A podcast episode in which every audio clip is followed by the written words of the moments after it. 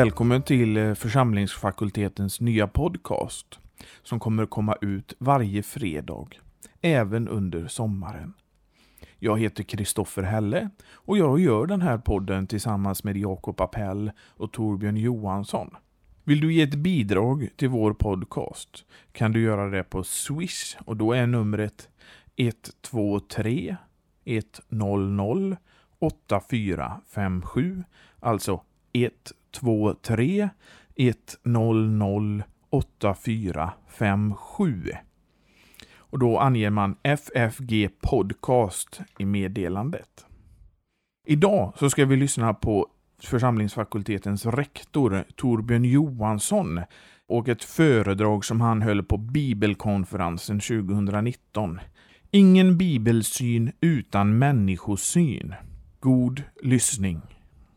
Tack så mycket. Det känns fint att vara här bland eh, vänner till institutionen. Och jag ska faktiskt allra först säga något lite så att säga egenskap av, av rektor för att sen bli med som lärare. Och jag vill eh, säga tack till er som har bidragit till det här goda hembakade som vi alla nu har fått del av. Det är ju så här att vi har en kvällsbibelskola på måndagkvällar här och där eh, har det funnits möjlighet att anmäla sig att bidra då med det här och vi har så att säga nu några goda vänner, inte minst från den gruppen, som på det här sättet stöder FFG och det framför vi vårt varma tack för. Och sen är det ju så som ni alla vet att FFG drivs av kyrkfolk. Vi får inga pengar från kommun, stat eller svenska kyrkan, inte en krona någonstans där, utan det bygger på att människor vill stödja så att det här huset ska finnas med sitt teologiska innehåll. Så jag vill lägga det på ert hjärta att bli understödjare och följa oss i bön och, och gåvor.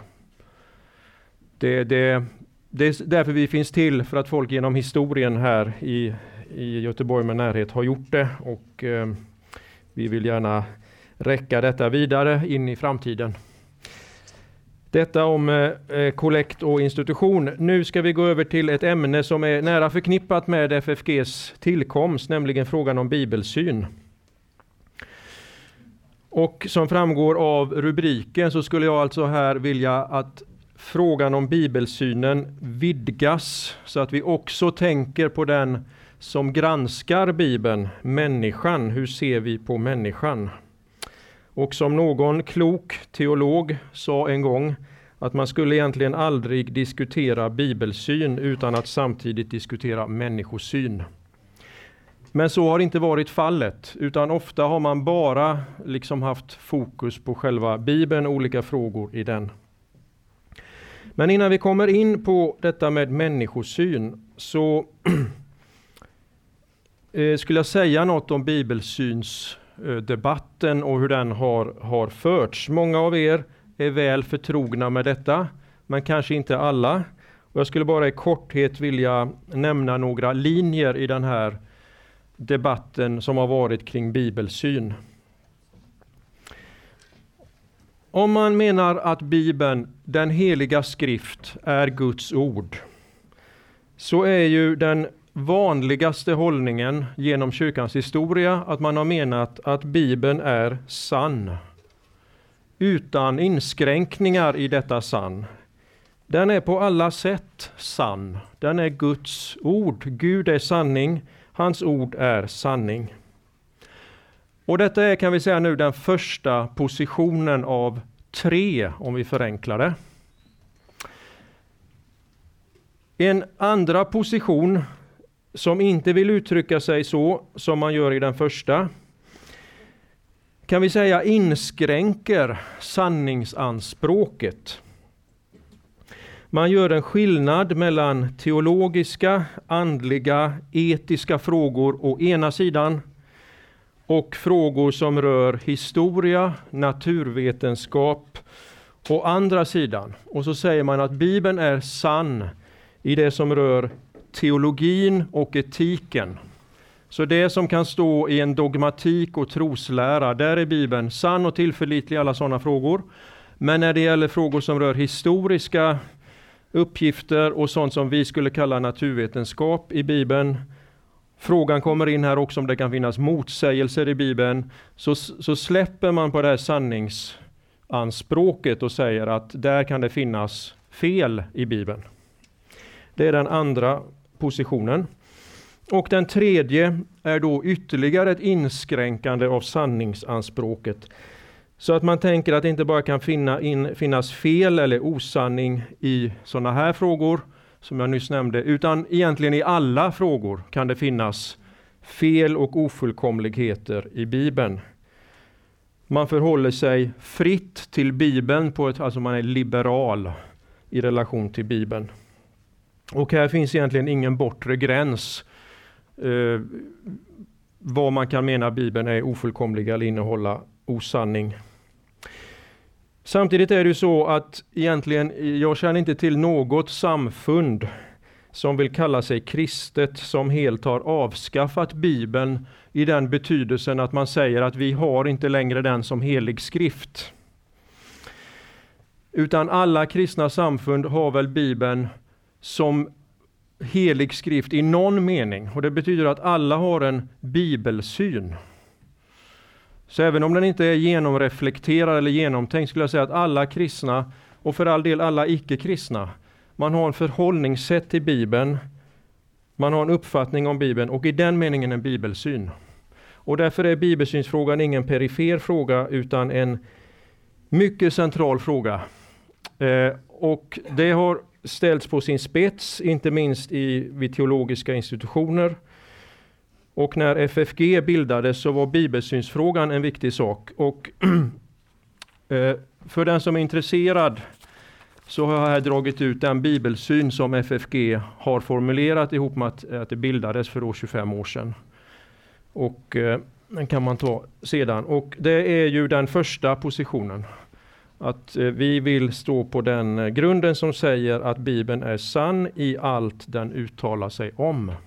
Inklusive eh, historia och det vi nu kallar naturvetenskap. Den är sann i allt den uttalar sig om.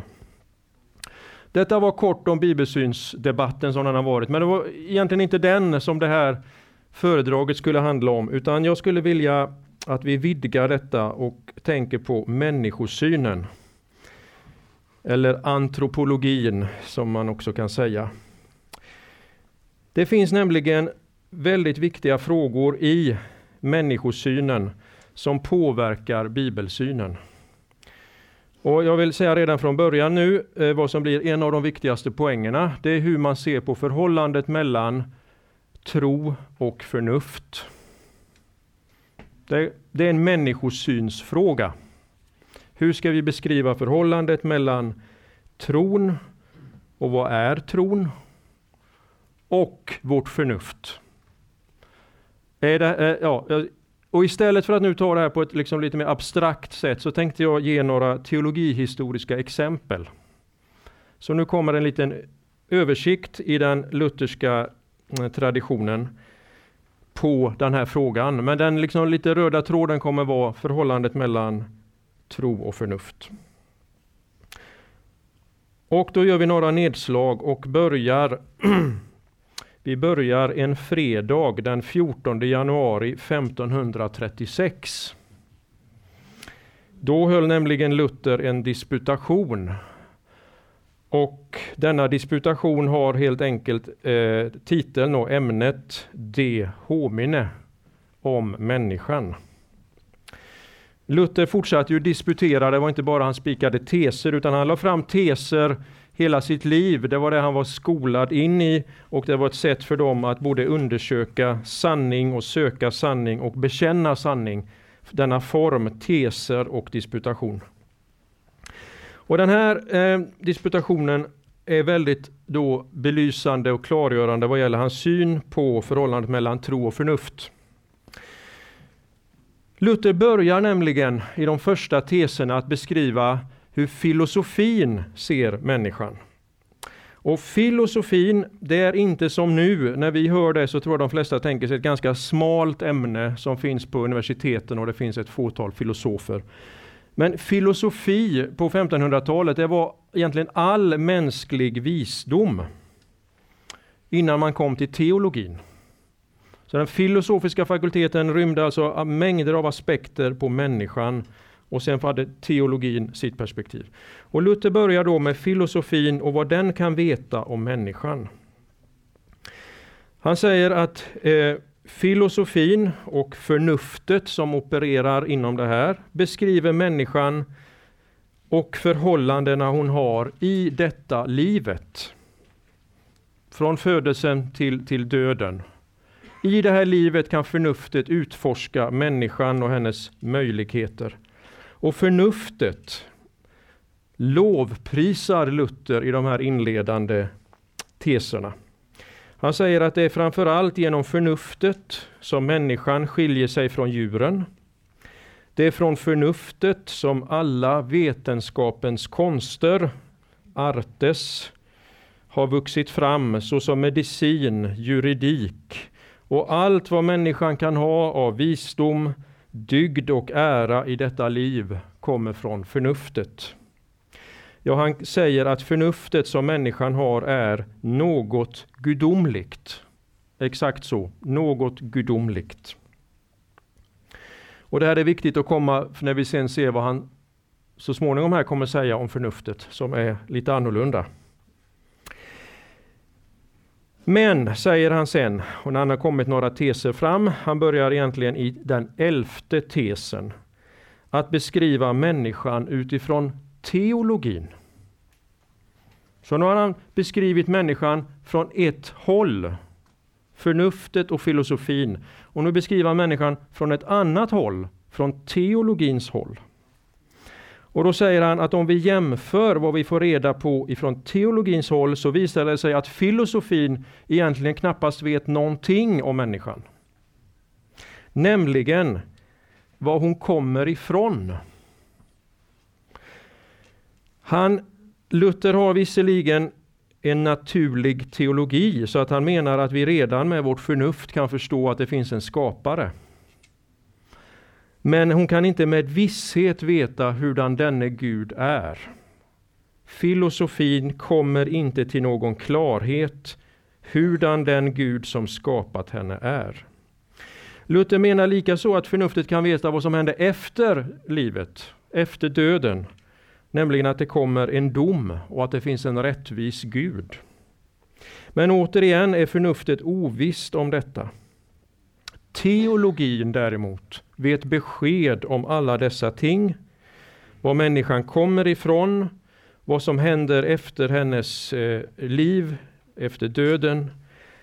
Den vet besked om frälsningen, om rättfärdiggörelsen och hur hon ska vinna evigt liv.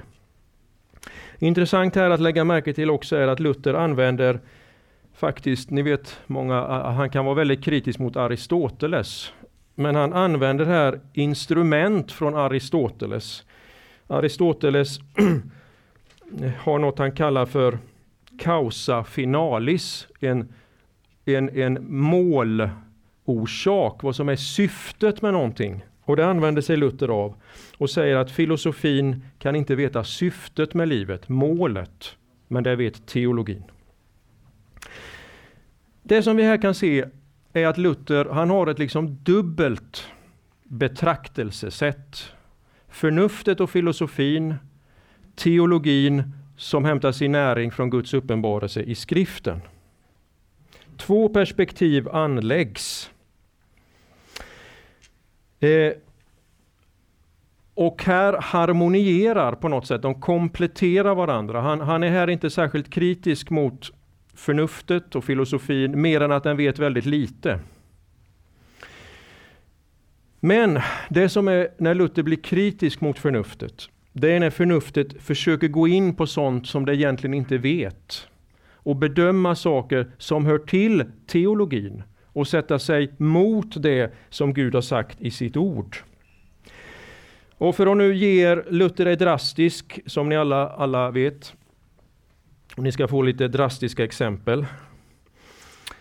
Eh, vi går fram lite i tiden, eh, förlåt, bak i tiden. Vi var 1536, nu går vi till 1531, den stora Galaterbrevskommentaren som sen publiceras 35.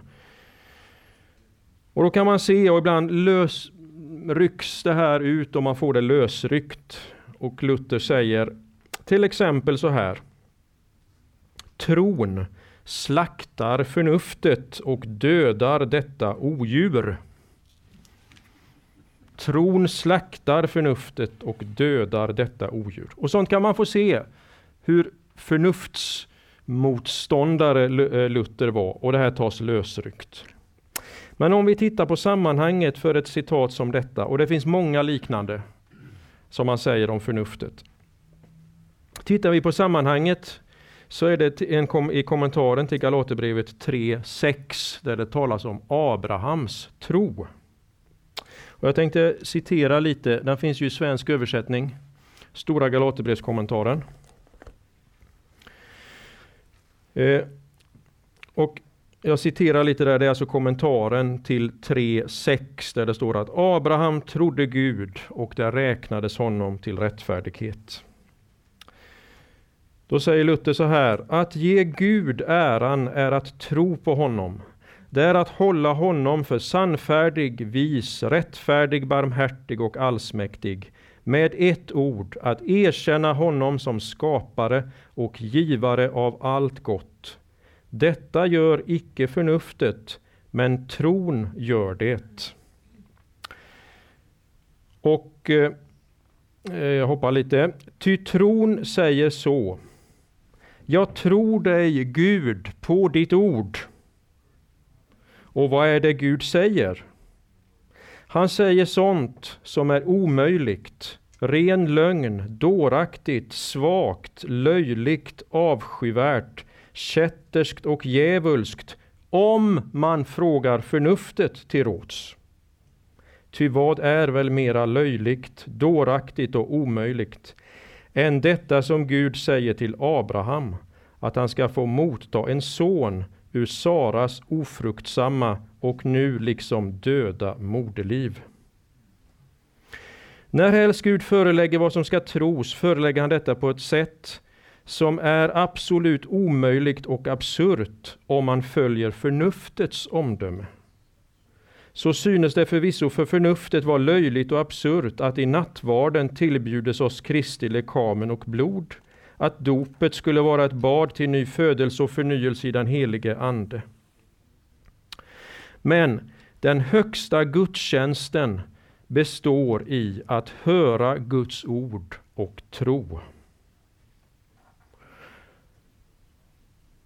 Och då har han i tankarna dels det här med Sara och Abraham som får en, eh, en son. Och hur han sedan ska offra denne son. Den befallningen. Guds befallning är sånt som för förnuftet är absurt, dåraktigt. Men tron, i Abrahams som exempel, tar liksom och lägger förnuftets invändningar under. Och då kommer det här ordet, tron slaktar förnuftet. Att liksom han var beredd att offra sin son, så offrar tron förnuftet. Och mot de här som vill använda sitt förnuft mot det Gud säger i sitt ord, så säger Luther så här, de mäta Guds ord med förnuftet. De lägger liksom förnuftets måttstock och mäter Guds ord, vad som kan vara rimligt, vad som kan vara från Gud. Istället för tvärtom, att erkänna att Gud är Gud och tron lyssnar på hans ord och ärar honom som den som är vis och klok och god, även när inte förnuftet kan förstå det. Så här har vi tro och förnuft i spänning till varandra ett, ett spänningsförhållande som Luther inte löser upp. Han försöker inte harmoniera det här utan han låter det stå i denna spänning och säger att en kristen skall lyssna till Guds ord, säga ja och amen till det och ta liksom förnuftet, som vi ska se sen hur många teologer använder, till fånge. Förnuftet blir en fånge under Guds ord och tron. Detta om, eh, om Luther. Nu går vi fram ett steg till Melanchthon. Melanchthon var ju lärare på den filosofiska fakulteten i Wittenberg. Och han gav ut ett arbete, Liber de Anima, 1553. Och där ska han beskriva intellektet, förnuftet. Melanchthon kommer här in på frågan om hur kan vi få visshet om någonting? Hur får vi kunskap? Det här kallas, Melanchthon använder inte ordet, men i, i nutid skulle vi säga att detta är epistemologi. Läran om hur vi får kunskap. Hur kan vi veta något och hur vet vi att detta är sant? Och Melanchtons regler här skulle jag säga håller sig väldigt väl in i våra dagar. Eh, han säger att det finns enligt filosofin tre sätt att få visshet om något. Det är empiri. Sinnena iakttar, ögon, öron, alla våra sinnen tar in kunskap, samlar kunskap. Detta blir vad Melanchthon kallar, eh, han kallar det för en eh, allmän mänsklig erfarenhet. Alltså alla dessa iakttagelser som människor har gjort samlas och det blir en allmän mänsklig erfarenhet. Men det är alltså genom sinnen. Han tar som exempel, vi vet att eld är varmt, att kvinnor föder barn, säger han. Och han säger även den som förnekar detta förklarar krig mot Gud själv. Ett ord värt att tänka på i våra dagar. Eh, vi vet som människor massa saker genom sinnenas erfarenhet och den samlade mänskliga erfarenheten. Den andra typen av väg, nu väg till kunskap är logikens väg. Vi vet axiomatiskt vissa saker. 2 plus 2 är 4. Melanchthon säger också som exempel um, att uh, helheten är mer än delen. Det är axiomatiskt. Det, det, är självklart för oss. Det är en väg till kunskap. Empiri, logik. Och sen har han det tredje som är syllogismen. Det betyder slutsatser som vi kan dra. Vi kan av olika fakta, av olika, även använda logik, komma ett steg till genom att vi drar slutsatser. Och det är också ett stort ämne inom den aristoteliska filosofin. Så det här är tre vägar till kunskap. Och så säger Melanchthon, detta är filosofins vägar. Men i teologin kommer nu en ny väg, nämligen den gudomliga uppenbarelsen. Teologin har ytterligare en källa till kunskap som det mänskliga förnuftet och erfarenheten, empirin, logiken inte kommer fram till.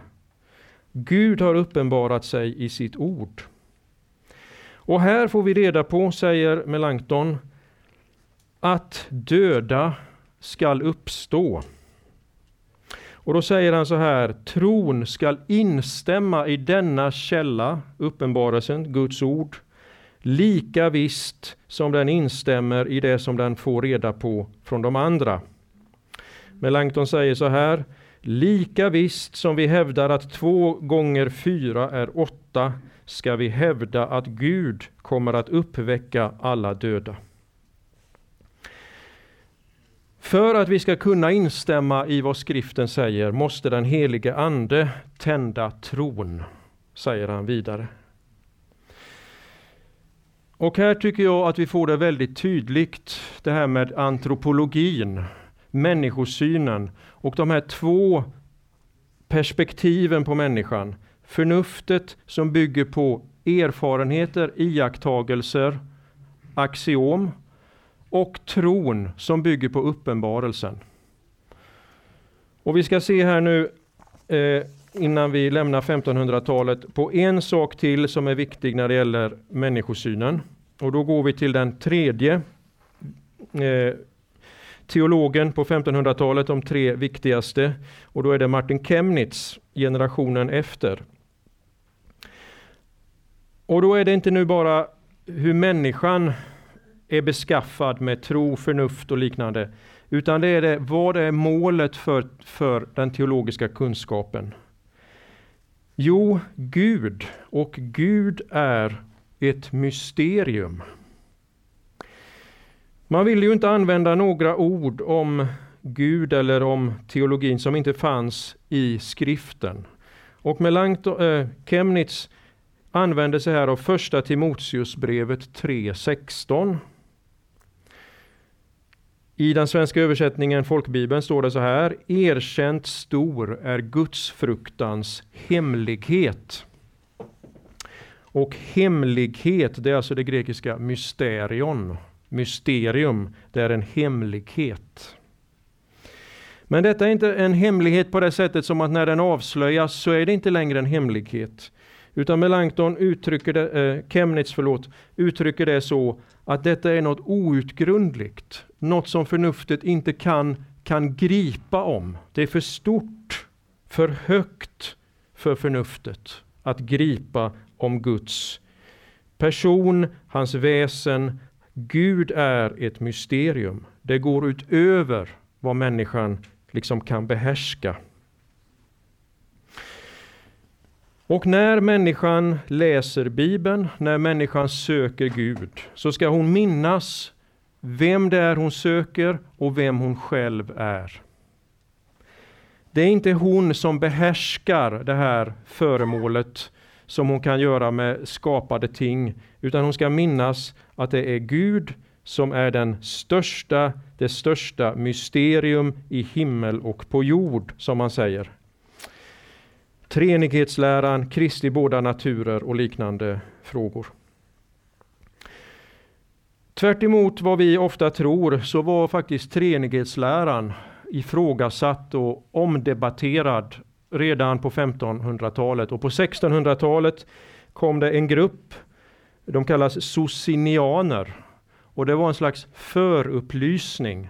Så allting skulle in under förnuftet. Och det som inte förnuftet kunde begripa, det såg man som falskt. Och det här var ingen liten perifer grupp utan man kan se i den lutherska ortodoxin på 1600-talet ägnade man enorma verk och, och, och mot de här socinianerna som man såg som en, som en verklig fara för kyrkan. Och vi ska nu lämna 1500-talet och gå in på 1600-talet och se på en som stred mot dessa socinianer. Det var en luthersk ortodox teolog som hette Balthasar Meissner.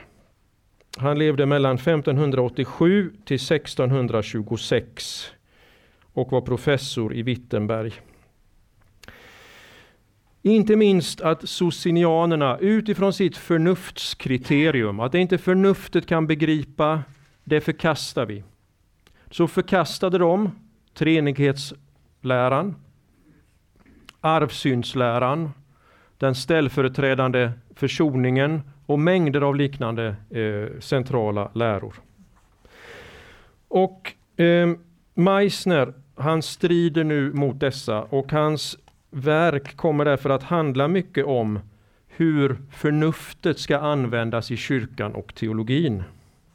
Och han menar helt enkelt att deras eh, misstag är att de låter förnuftet gå utöver sin gräns Förnuftet ska hålla sig inom sin gräns, säger Meissner, och det är de skapade tingen. Det som är skapat i denna värld, där har förnuftet sitt, sitt föremål, det som det ska ägna sig åt.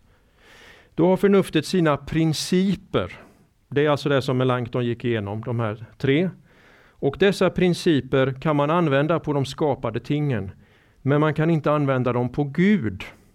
Man kan inte använda på vad Gud har uppenbarat, till exempel om nattvarden. Då har förnuftet gått utöver sin gräns. Och Meissner han har några eh, uttryck för detta.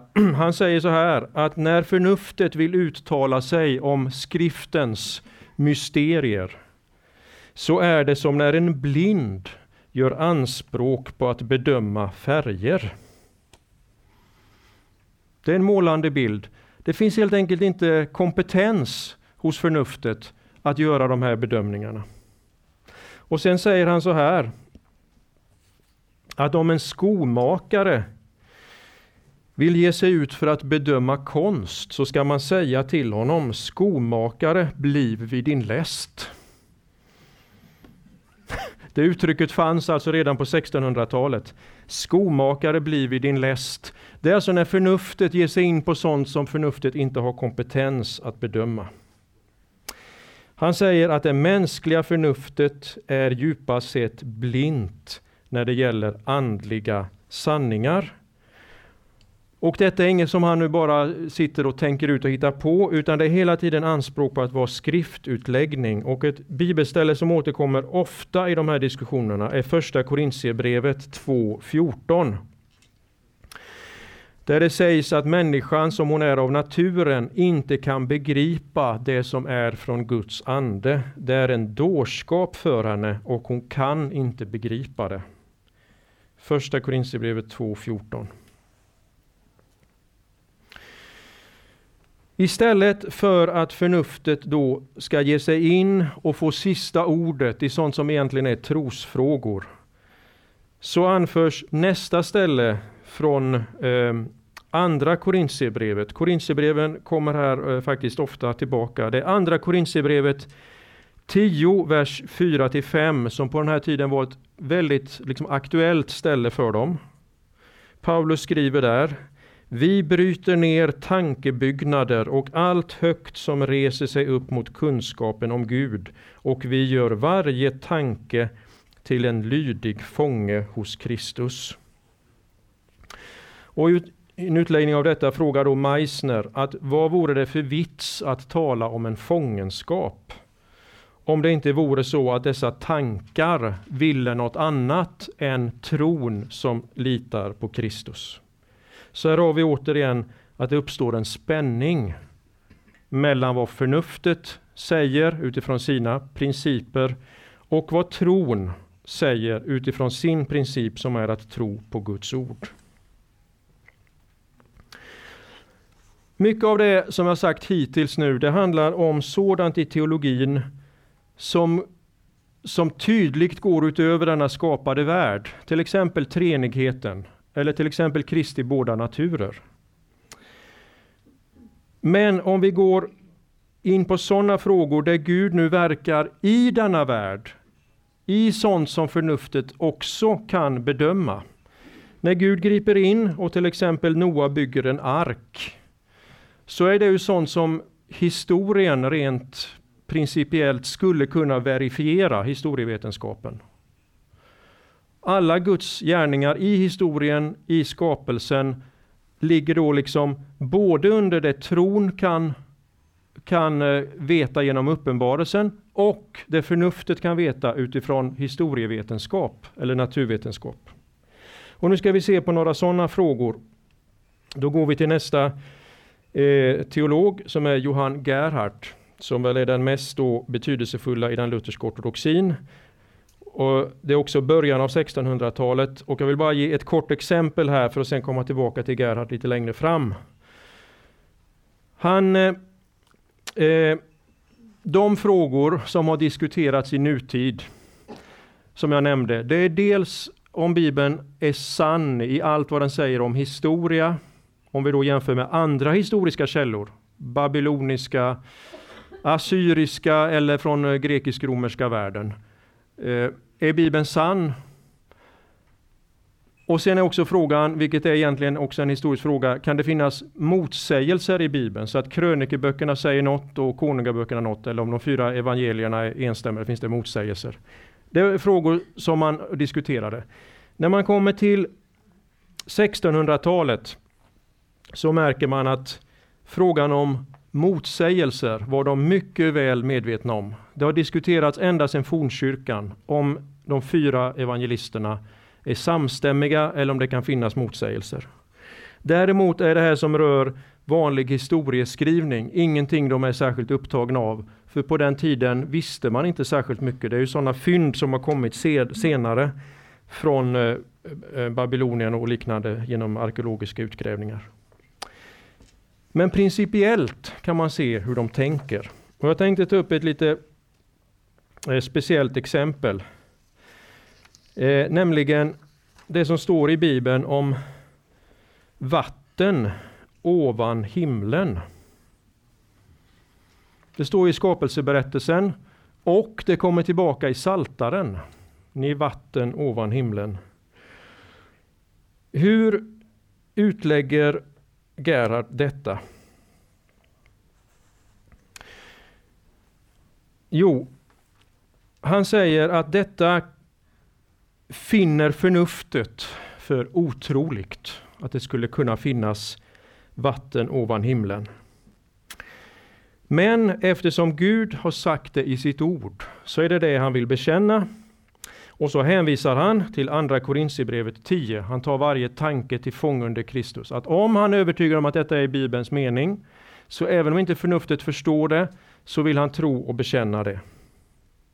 Men sen liksom gör han ändå ett försök att visa att om Gud är Gud så är detta inte alls oförnuftigt. Om vi tror på en allsmäktig skapare så är det inte oförnuftigt.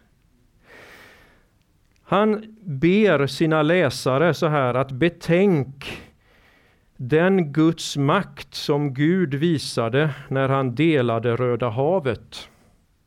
När han stoppade Jordans vatten så att det reste sig upp. Alltså läsaren ska tänka att Gud griper in och gör under i sin skapelse. Men sen har han också exempel från den helt vanliga skapelsen. Nämligen han säger så här. Betänk hur Gud leder de stora molnen på himlen. Det tänker vi ofta för lite på. Det transporteras ju miljontals ton vatten i liksom motorvägar på himlen. De förflyttas likt floder i luften skulle vi kunna säga. Faktiskt. Vad skulle det då vara för konst för en Gud som kan göra så, att också ha vatten ovan himlen? Eh, andra utläggare på 1600-talet, eh, i samma tradition som Gerhard, menade att de här vattnen ovan himlen handlade om molnen. Men det menar alltså inte Gerhard. Men det, de hade ändå samma principiella inställning. De kom till olika slutsatser i ett konkret utläggning av vissa bibelställen, vad det här betyder. Men deras principiella inställning var densamma, nämligen att Gud talar sanning i sitt ord. Frågan är nu vad detta ord betyder. Det är en exegetisk fråga, vad vattnet ovan himlen är. Vad förnuftet skulle säga är möjligt eller omöjligt, det är helt sekundärt. Och de kunde även tåla så att, säga, att man kom till olika slutsatser i vad, de, vad det här betydde. Nu tänkte jag gå över till en annan, vi ska stanna kvar hos Gerhard, men vi ska ta fram en annan aspekt av skriften. Hittills har mycket handlat om sanningsfrågor som kunskap och därmed som norm. Men om man slår upp en dogmatik från den här tiden, 1600-talet, så möter ofta bibelsynsfrågorna på två ställen. Först kommer det inledningen som kunskapskälla, skriften alena som norm. Och sen kommer det ofta fram mot slutet som nådemedel. Skriften som lag och evangelium som omvänder och verkar i människans hjärta. Så alltså först som norm, sen som verksamt nådemedel. Och även här är det intressant att se hur bibelsyn och människosyn hör samman. Och det tänkte jag kort belysa utifrån en strid som Gerhard var inblandad i. Och det kallas för den Ratmanska striden som bröt ut 1621 då en präst som heter Herman Ratman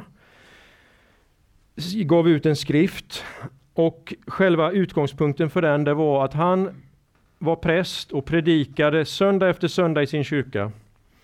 Och ändå kom inte alla till tro. Han predikade Guds ord, de kom inte till tro. Varför inte? Ratman försökte förklara det här genom att skilja Guds ord från anden. Så han sa att det som kommer här i predikan, det är bara ord. Men anden måste komma till ordet för att väcka tro. Och det här blev en väldig eh, debatt och strid kring. Eh, Gerhard var den som slutligen eh, liksom eh, vederlade och det som sen levde vidare. Men vi ska först bara se lite till hur Ratman tänkte, för det här har att göra med hans människosyn. Han menar nämligen att man kan jämföra skriften nu, ordet och anden, med hur en människa uppfattar en tavla. Det är återigen konst faktiskt som de hämtar sina paralleller från. Hur människan uppfattar en tavla. Han säger att även om tavlan ställs fram för henne så ser hon den inte om det inte tänds ett ljus. Och på samma sätt är skriften något som ställs fram för människan, dess sanningar, men om inte anden tänder ljuset så förstå, ser hon inte Bibelns sanning. Så anden måste komma till ordet. Och han har också en, eh, han liknar det vid en skylt, så som en slags vägskylt. Skriften är som en sån här vägskylt. Men anden måste komma så människan ser den och då kan människan gå. Det fanns flera saker i det här nu som Gerhard och andra reagerade på. Bland annat var det att man menade att man, vi, vi har ingen grund i Bibeln att skilja anden från ordet. Ordet är fyllt av ande. Och man anförde flera bibelbelägg eh, för detta. Till exempel i Romarbrevet 1.16 kallas evangelium för en Guds kraft till frälsning, en Guds dynamis. Ordet är som säden som eh, växer och gror. Ordet är som ljuset och ett viktigt ställe som man ofta kom tillbaka till var Johannes 6.63. Johannes 6.63 där Jesus säger Mina ord är ande och är liv. Ordet från skriften är liksom fyllt av ande och kraft. Och vi har ingen grund i Bibeln att skilja anden från ordet.